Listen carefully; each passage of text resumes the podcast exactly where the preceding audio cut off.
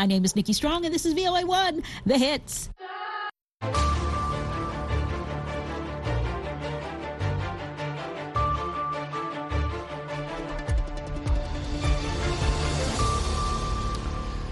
halkani waa washington laanta afka soomaaliga ee v o a oo aad ka dhegaysanaysaan mawjadaha gaaggaaban efemyada geeska afrika iyo caalamka oo dhan oo aad nagala socotaan v o a somaly com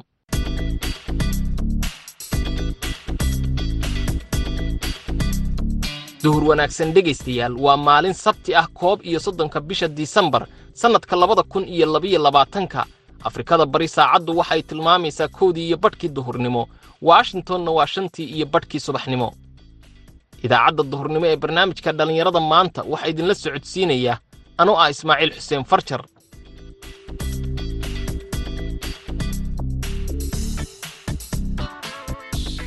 qodobada aad ku maqli doontaan idaacaddayada duhurnimo ee barnaamijka dhallinyarada maantana waxaa ka mid ah barnaamijkii madasha dhallinyarada oo toddobaadkan aan ku eegayno dhibaatooyinka qoyska iyo xallinta khilaafaadka ka dhex dhasha.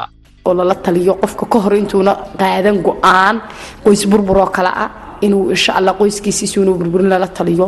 Mayana intuuna tallaabo isbeddel noloshiisa uuna kula kicin lala taliyo qodobadaas iyo kuwo kale ayaa idinku soo maqan. Marka horese ku soo dhowaada warkii dunida.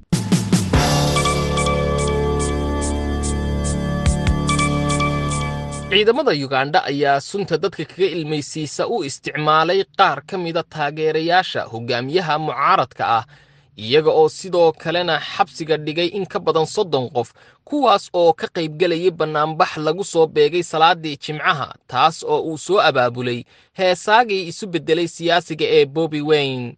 Booliska ayaa sheegay in kulankaasi uu ahaa mid sharci darro ah maadaama qabanqaabiyayaashu ay ku guuldarraysteen in ay ku wargeliyaan taliyaha booliska ka hor intii aanay qaban dadka isu soo baxay ayaa la filayay inay u duceeyaan dadka la xidhxidho kuwa dhintay iyo weliba kuwa la afduubo. Iyo dhammaan taageerayaasha mucaaradka gaar ahaan kooxda taageersan bobi wayne oo ah hogaamiyaha xisbiga national unity platform. Guddi ka tirsan xisbiga dimuqraadiga ee kongareska ayaa jimcihii dadweynaha u soo bandhigay lix sano oo ah diiwaanka cashuuraha ee donald trump madaxweynihii hore ee dalka maraykanka iyaga oo shaaca ka qaaday dukumentiyada madaxweynihii hore ee muddada dheer uu doonayey in uu qariyo iyo in uu la tacaalo dibudhac kale isaga oo mar kale raadinaya aqalka cad sannadka labada kun iyo afar iyo labaatanka guddi ka tirsan aqalka wakiilada ee maraykanka oo uu maamulo xisbiga dimuqraadigu ayaa sii daayay cashuur celinta trump ee sannadihii laba kun iyo shan iyo toban ilaa laba kun iyo labaatan iyaga oo soo gebagabeeyey dagaal sannado badan socday oo u dhexeeyey madaxweynaha hore oo ka tirsan xisbiga jamhuuriga iyo weliba sharci dejiyaasha dimuqraadiga. Marka laga reebo cashuur celinta sii daynta dukumentiyadaasi kuma jirin wax cusub oo badan. Isagoo ka jawaabaya trump wuxuu ka digay cawaaqib xumada ka dhalan karta arrintaasi wuxuuna arrintan u adeegsaday munaasabad uu ka hadlayey in uu lacago weydiiyo dadka u ololeeya doorashadiisa labada kun iyo afar iyo labaatanka. Duhur wanaagsan dhegaystayaal laanta afka soomaaliga ee v o a ayaad nagala socotaan oo si toosa idinka imanaysa washington. Haatanna waxaad ku soo dhowaataan barnaamijkii madasha dhallinyarada waxaana magaalada boorama inoogu soo diyaariyey wariyaha v o a haashim sheekh cumar good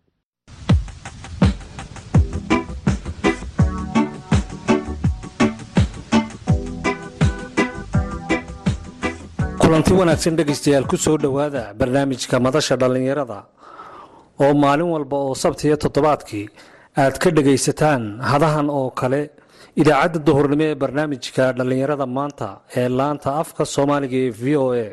Barnaamijka madasha dhallinyarada ee toddobaadkan waxaynu ku soo qaadan doonaa dhibaatooyinka qoyska iyo xalinta khilaafaadka qoyska waxaana barnaamijkeena inoogu martiya toddobaadkan laba gabdhood oo ka mid ah gabdhaha wax ka bartay jaamacadaha dalka gudihiisa oo kale ah hodan rooble xasan oo ah macalimad baratay culunta waxbarashada iyo hiba daahir xuseen oo ah gabadh baratay xalinta khilaafaadka iyo sharciga. Waana mas'uuliyiinta ururka qoyskaab. Ugu horreyn waxaan weydiiyey hodan rooble xasan bal inay sharaxaad naga siiso ururkan iyo waxyaabaha uu qabta bulshada. Hodan rooble xasan waa aasaasayaasha xarunta qoyskaabe ka mid ah. Xarunta qoyskaabe horta waxaa loo aasaasay ama loo sameeyey ujeedooyinka ugu waaweyn waxa weeyaan markii la arkay dhibaatooyinka fara badan ee bulshadeena haysata hadday tahay qoysas fara badan oo tafaraaruq dhex yaallo hadday tahay dhallinyaro fara badan oo dhibaatooyinka iyo caqabadaha nolosha aan la tacaalayn soo wajahda oo isdilaya oo tahriibaya haddii ay tahay qoysas fara badan oo dhaqaale la'aan iyo ay soo darsayso inay noloshii ka dhaceen. Marka bulshadeennii hadday intaa ku socoto waxaa ku dambayn doonaa inay qoysaskii hadduu mar baabao dee qarankuna uu baabi'i doonaa oo bulsho dhan baa baaba'aysa oo noqonaysa bulsho iska nooloon. Marka waxaan u aasaasanay in la nooleeyo qoysaska la kaabo. Kaabiddu waxa weeyaan qoyskii in laga kaabo yacni waxyaabaha ay xarunta qabato kala ka mid oon ku sheegi doonaa insha allah. Marka in la koobo oo la hagaajiyo qoyskii muslimkahaa oo sidii saxdahayd wacyigelin iyo wacyigelino iyo tababaro intaba loo sameeyo. Waxyaabaha aad qabateen ilaa iyo hadda muddadii ay asaasnayd xaruntani maxaa ka mid a xarunta horta aasaaskeygii iyadoo laga jooga sanad uun iyo xooga yar. Waxaa la aasaasay sannadkii kii bishii labaad ayaa aasaaskeygi saxdaha ahaa. Ilaa hadda waxaan ka joognaa sanad iyo afar bilood. Sanad iyo afarkaa bilood wuxuu ilaahay nagu guuleeyey inaan wacyigelin u fidinno qoysas gaadhaya ilaa iyo qoys wacyigelin toosa oo hooyooyinkii oo kale iyo aabbayaashii aan hablihii inamadii aan toos ugu gudbinay sidoo kale ilaa iyo afar iskuul oo iskuullada boorama ka howlgala dugsiyada sare weliba aan u samaynay tababaro dhallinyarta waxaanu markaa tababarada aan ugu sameynaynay yacni tababaro fahansiin ah horta qoysku muxuu yahay ayaa ilaa iminka noo soo hirgalay noona fiicnaaday. Tababaro gaara oo hooyooyin gaara ayaa sidoo kale noogu hirgalay ilaa shan iyo toban dumar ah oo si khaasa oo hooyooyinha oo aan tayeynaynay ayaanu markaa u tababar u samaynay sida dhaqaale samaynta waxyaabaha xanuunada kala gudbaa sidoo kale waxaan u samaynay yacni qoyskooga iyo ciyaalka tarbiyeyntooda ama siday u ilaalinayaan.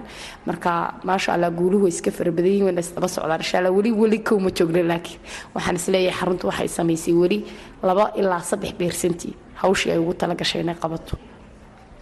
Waxyaabaha aad is leedihiin nolosha qoysaska waad ka bedeli kartaan xaruntiinan qoyskaabe.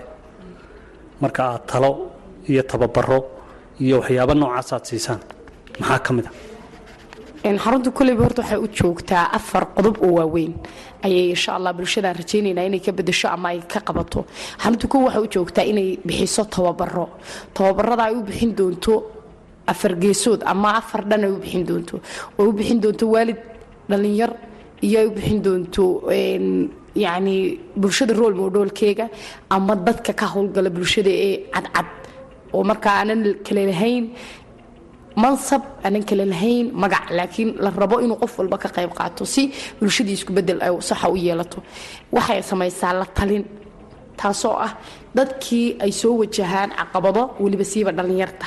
In la talin ay u fidiso islaamahoo kale hooyooyinka cabanaya maadaama uu aasaasayaasha xarunta ay ka mid tahay walaalo hibo oo ku soo takhasustay xalinta khilaafaadka qoysaska ay toos uga bixiyaan la talinta xarunta looga bixiyo oo lala taliyo qofka ka hor intuuna qaadan go'aan qoys burburoo kale ah inuu insha alla qoyskiisiisa inuu burburin lala taliyo.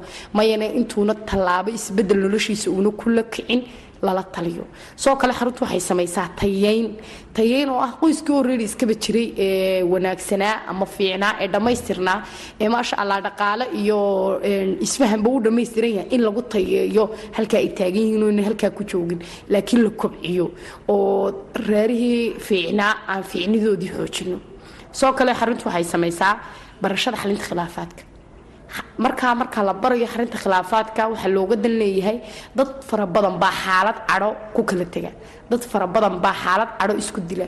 Dad fara badan baa xaalad qabatinwaa ama uu ay xamili waayeen nolosha iyo cidhiidhigeega ay waxay sameeyaan inay xaalado ka duwan ama dhibaato ka weyn ay geystaan.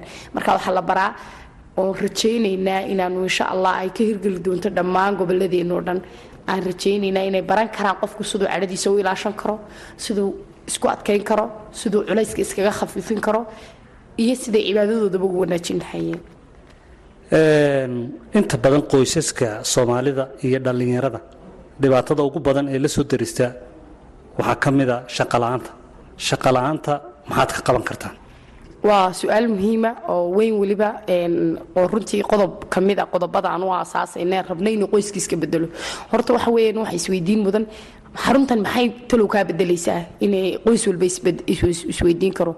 Waxaanu rabnaa mustaqbalka dhow. Waad arkaysaa dadka iminka waxay noqdeen dad fadhiya dad social mediagii ragaadiyey dad shaqala-aantii ragaadisay dad aaminaad ay aamineenba inayna ilaa la caawiyo mooyaane iyagu waxba noqon karin. Marka tababarada ugu badan ee siino waxaa ka mid ah say wax u qabsan lahaayeen xaqiiqatan waan u samaynay tababarada aan samaynay waxaa ka mid ahaa hablaha yaryar oo kale siday bal dhaqaale u samaysan lahaayeen. Inamadoo kale siday uga dhaqaaqi lahaayeen halkan ee maanta haddii uu waxaa la inoo keenay joogsado maxaad samayn kartiin? Inamow miyayna hadday isku tagaan waddooyinka samaysan karin? Miyayna hadday isku tagaan beero samaysan karin? Miyayna hadday isku tagaan biyo xidheena samaysan karin?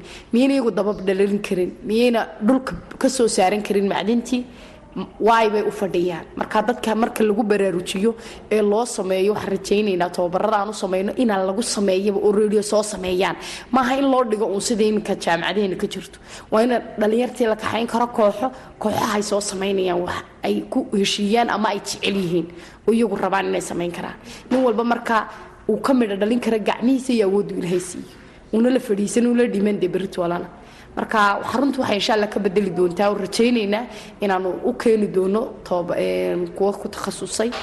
Marka naga caawin doono inay dhallinyartu qacmahooga wax ka qabtaan waxa ay ka qabtaanna lagaga iibsado dalka dhexdooda. Waxyaabaha aad tilmaamayso oo dhan wuxuu u baahan yahay dhaqaale yaa idin caawinaya xaruntiinnan qoyskaab ee arrimaha aad qabanaysaan. Kaalma idinka siinaya dhaqaale waa run horta su'aashaasi waa su'aashana hortaagan ama waaba caqabad weyn.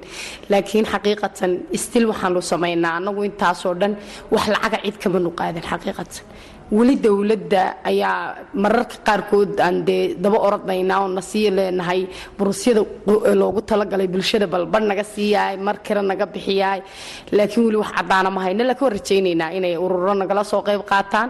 Waan rajaynaynaa inay bulsho weynta nagala soo qayb qaadato soomaaliyeed ee jecel inay isbedelaan soomaalidu. Oo xaqiiqatan hadday intaasoo sanasa ay nagu soo dhaaftay dee waan jecelnahay inaanu sanadada dambe aynu adduunka ka qayb qaadano inaan dayaxa tegno waan rabnaa inay qoysaskeenu dhismaan qurux badnaadaan bulshadeenu caafimaad maskixiyan iyo caafimaad jir ahaaneedba helaan aad baanu jecelnahay. Marka cid kastoo nagala qayb qaadanaysa waan soo dhawaynaynaa nala dhisaysana waan soo dhawaynaynaa dadka xaruntan sameeyey qoyskaab intay ka kooban yihiin? Horta asaasayaasha ururka asalkiisii hore waa laba hablood. Waa walaala hibo waa garyaqaan hibo daayir xuseen iyo anigoo ah doctor hodan rooble xasan oo ka baxay farmasisti hibo waxay ka takhasustay markaygu hore waxay ka baxday shareecada lowga ama loo yaqaano sharciga. Jaamacadda camuud digriga master waxay ka qaadatay ela university oo xalinta khilaafaadka qoyska ah toos ayay u qaadatay. Anigu waxaan ka baxay markaygu ugu horreysay education.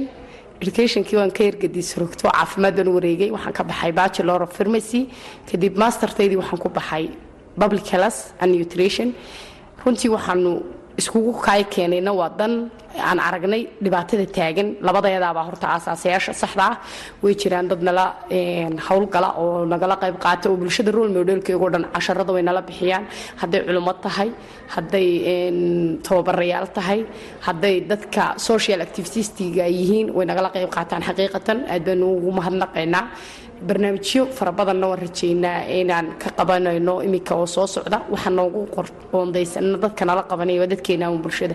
Marka way nala leeyihiin exactly laakiin aasaaska iyo fikirka iyo samaynta iyo isku dabaridkaba horta labadeedaabaa wata. Ay ugu weyn tahay ugu horeyso walaalahibo iyadoo takhasuskii qoyska iskale oon la diyaarinayay oon la ogaa oon arkayay maadaama welibna ka howlgasho ay ka shaqayso arrimaha qoyska.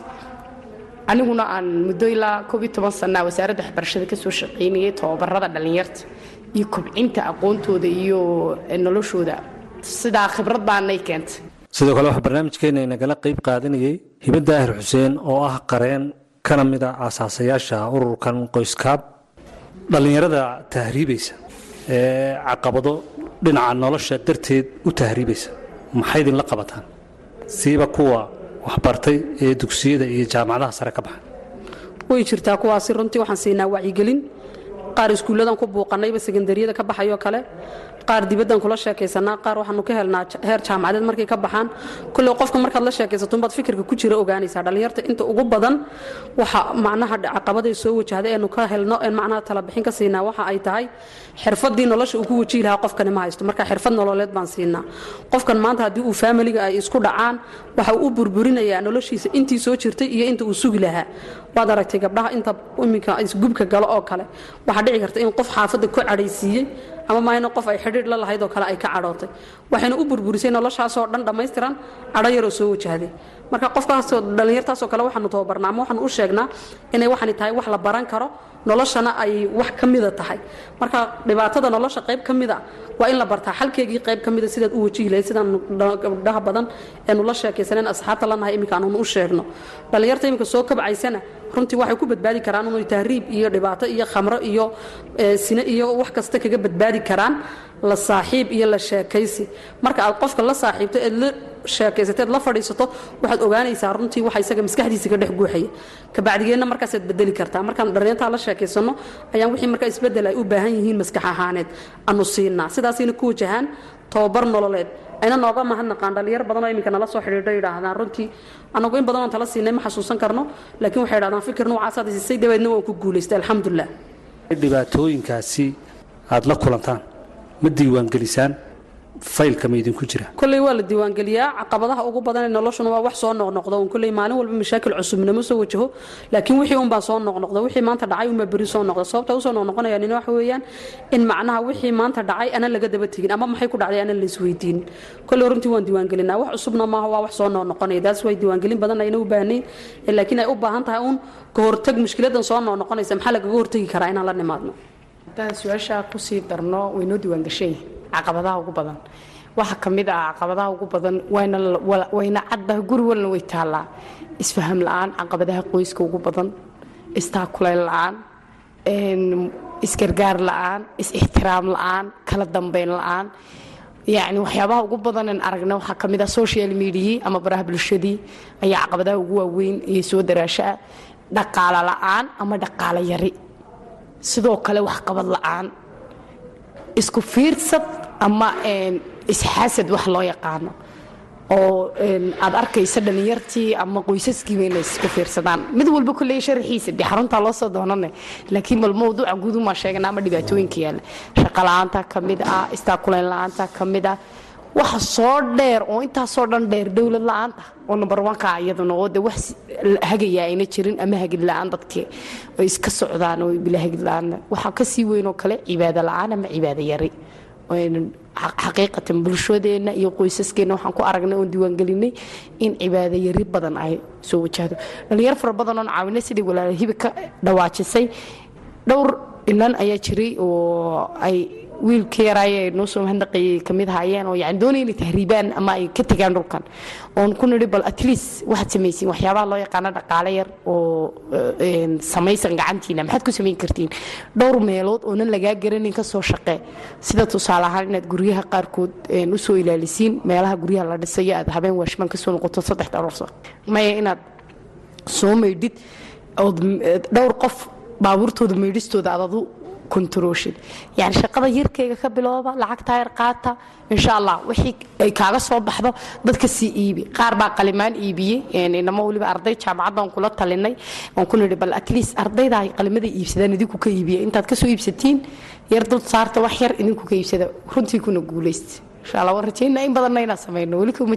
intaas waxaynu ku soo gunaanadaynaa kuna soo gabagabaynaynaa barnaamijkeennii madasha dhallinyarada toddobaadkan oo aynu ku soo qaadanay khilaafaadka qoyska iyo xalintiisa. Waxaana barnaamijka inoogu marti ahaa oo inagala qayb qaadanayay hodan rooble xasan oo ah macalimad baratay culunta waxbarashada iyo hiba daahir xuseen oo ah gabadh baratay xalinta khilaafaadka iyo sharciga. Barnaamijkan waxaa idinka soo diyaariyey magaalada boorama anigoo ah haashim sheekh cumar good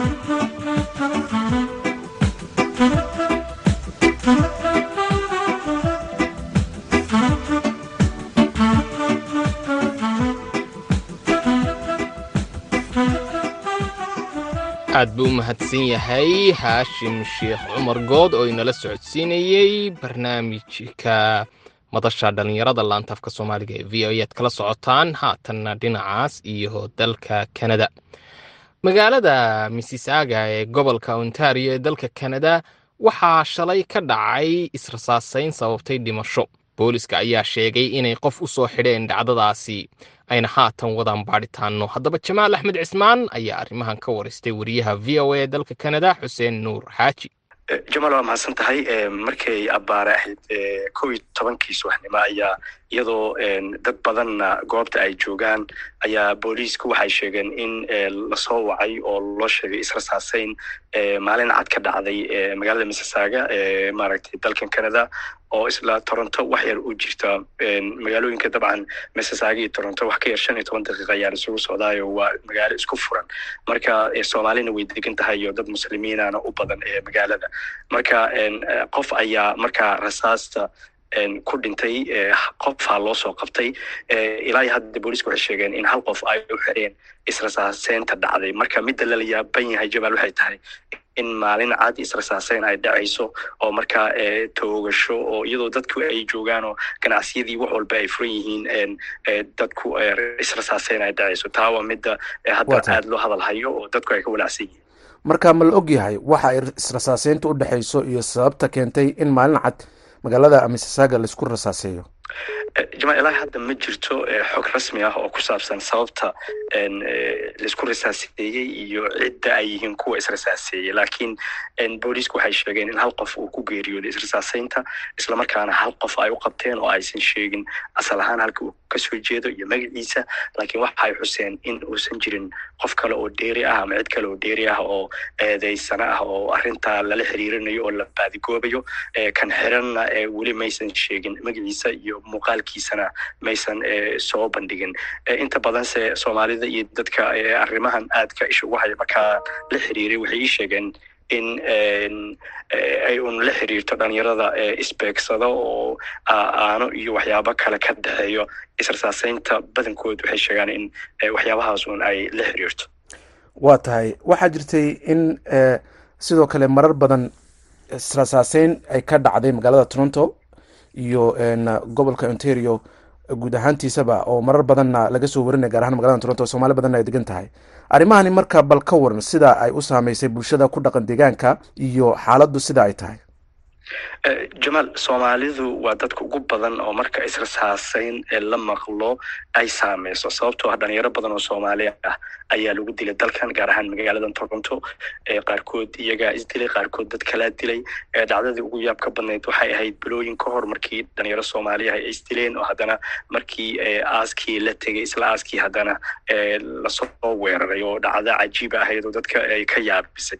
Marka soomaalida aaday u saameysaa markii israsaaseyn sidan oo kale haddana ay dhacdo qofkii wax dilay iyo ama eedeysanaha la hayo iyo kii la dilayba aanan magacyadooda la sheegin. Soomaalida waxay isweydiiyaan qofka noqon karo in magac soomaaliya qof soomaaliya uu la xiriiro dhacdadan oo kale markay dhacdo. Marka soomaalidu aaday u walaacaan aaday u saameysaa waxaan dhihi karaa waxay ka mid yihiin bulshooyinka ugu badan markay israsaasteyn dhacdo dhegaha taaga oo ka warsuga iyagoo niyadda ku haya in uu noqon karo qof soomaali ah kan la dilay ama wax dilay. Waa tahay bal waxaad sharaxaad inaga siisaa sida maamulku ay isugu dayayaan inay arrimahan wax uga qabtaan. Jamaal booliisku marar badan dadaalay sameeyeen bulshaduna kulamay la yeesheen. Weliba bilooyinkii u dambeeyey hadda kulamo joogtahayay booliiska iyo soomaalida iyo hogaamiyaasha bulshada soomaalidu ay lahaayeen. Waxaad moodaa in sidii hore ay ka soo wanaagsanaanayso marka aad fiiriso xiriirka ka dhexeeya laamaha amniga iyo soomaalida oo marka hore labada dhinac isku eedeynayay inuusan kanna xog dhiibin kanna aanan shaqadiisu si fiican u qabsanin laakiin hadda waxaad moodaa in arrimahaasi ay soo gabagaboobayaan. Marka dadaalo badanaa socda waxaa jira kiisas badan oo booliisku ay xaliyeen markii ugu dambeyso hadda booliisku ay soomaalida ula kulmeen oo lafteeda goobjoogka ah waxay sheegeen in kiisas badan oo soomaali la dilay amaba la dhaawacay ah ay u soo qabteen ciddii dilkaasi geysatay waxayna codsadeen in wada shaqayntaas la kordhiyo marka dadaaladu way socdaan waxaadna moodaa marka laga hadlayo soomaalida in maalinba mar ka dambeysa dhibaatooyinka dhalinyarada loo geysanaya ay yaraanayaan walow si guud magaaladu ay israsaaseen ka dhacdo oo soomaali keliya aanay markaa la xiriirin. Kaasina waxa uu ahaa wariyaha v o e dalka kanada xuseen nuur xaaji oo u warramayey jamaal axmed cismaan laanta afka soomaaliga ee v o ead nagala socotaan. Haatanna gabagabada idaacadda ayaan ku sii siqaynaaye qodob iyo laba ka mid a warkii dunida aan idiin dil maro guddi ka tirsan xisbiga dimuqraadiga ee kongareska ayaa jimcihii dadweynaha u soo bandhigay lix sano oo ah diiwaanka cashuuraha ee donald trump madaxweynihii hore ee dalka maraykanka. Iyaga oo shaaca ka qaaday dukumentiyada madaxweynihii hore ee muddada dheer uu doonayey in uu qariyo iyo in uu la tacaalo dib u dhac kale isaga oo mar kale raadinaya aqalka cad sannadka labada kun iyo afar iyo labaatanka. Haatanna dhegaystayaal ku soo dhowaada dhinacii heesaha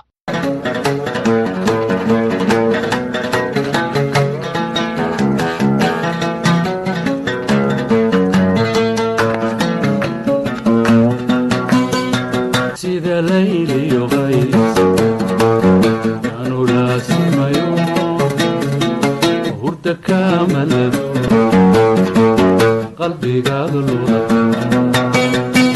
sida layliyo qays. Yaanu laasimayo hurda kaamalado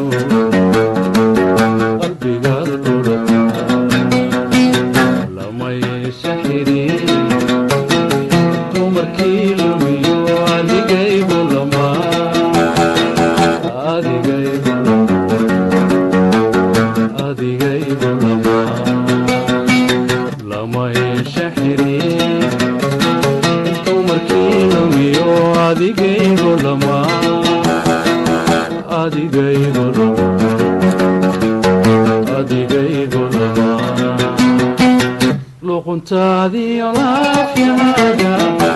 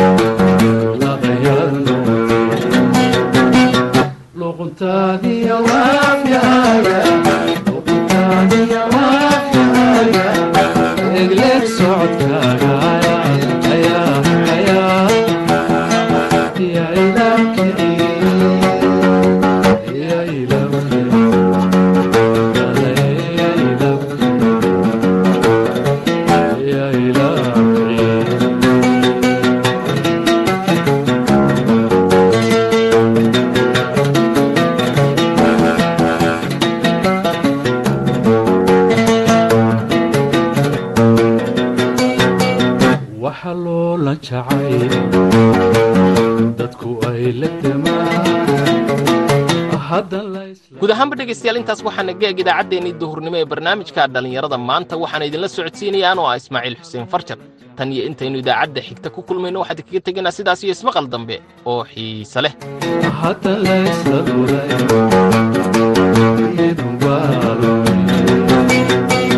Hayga leexanino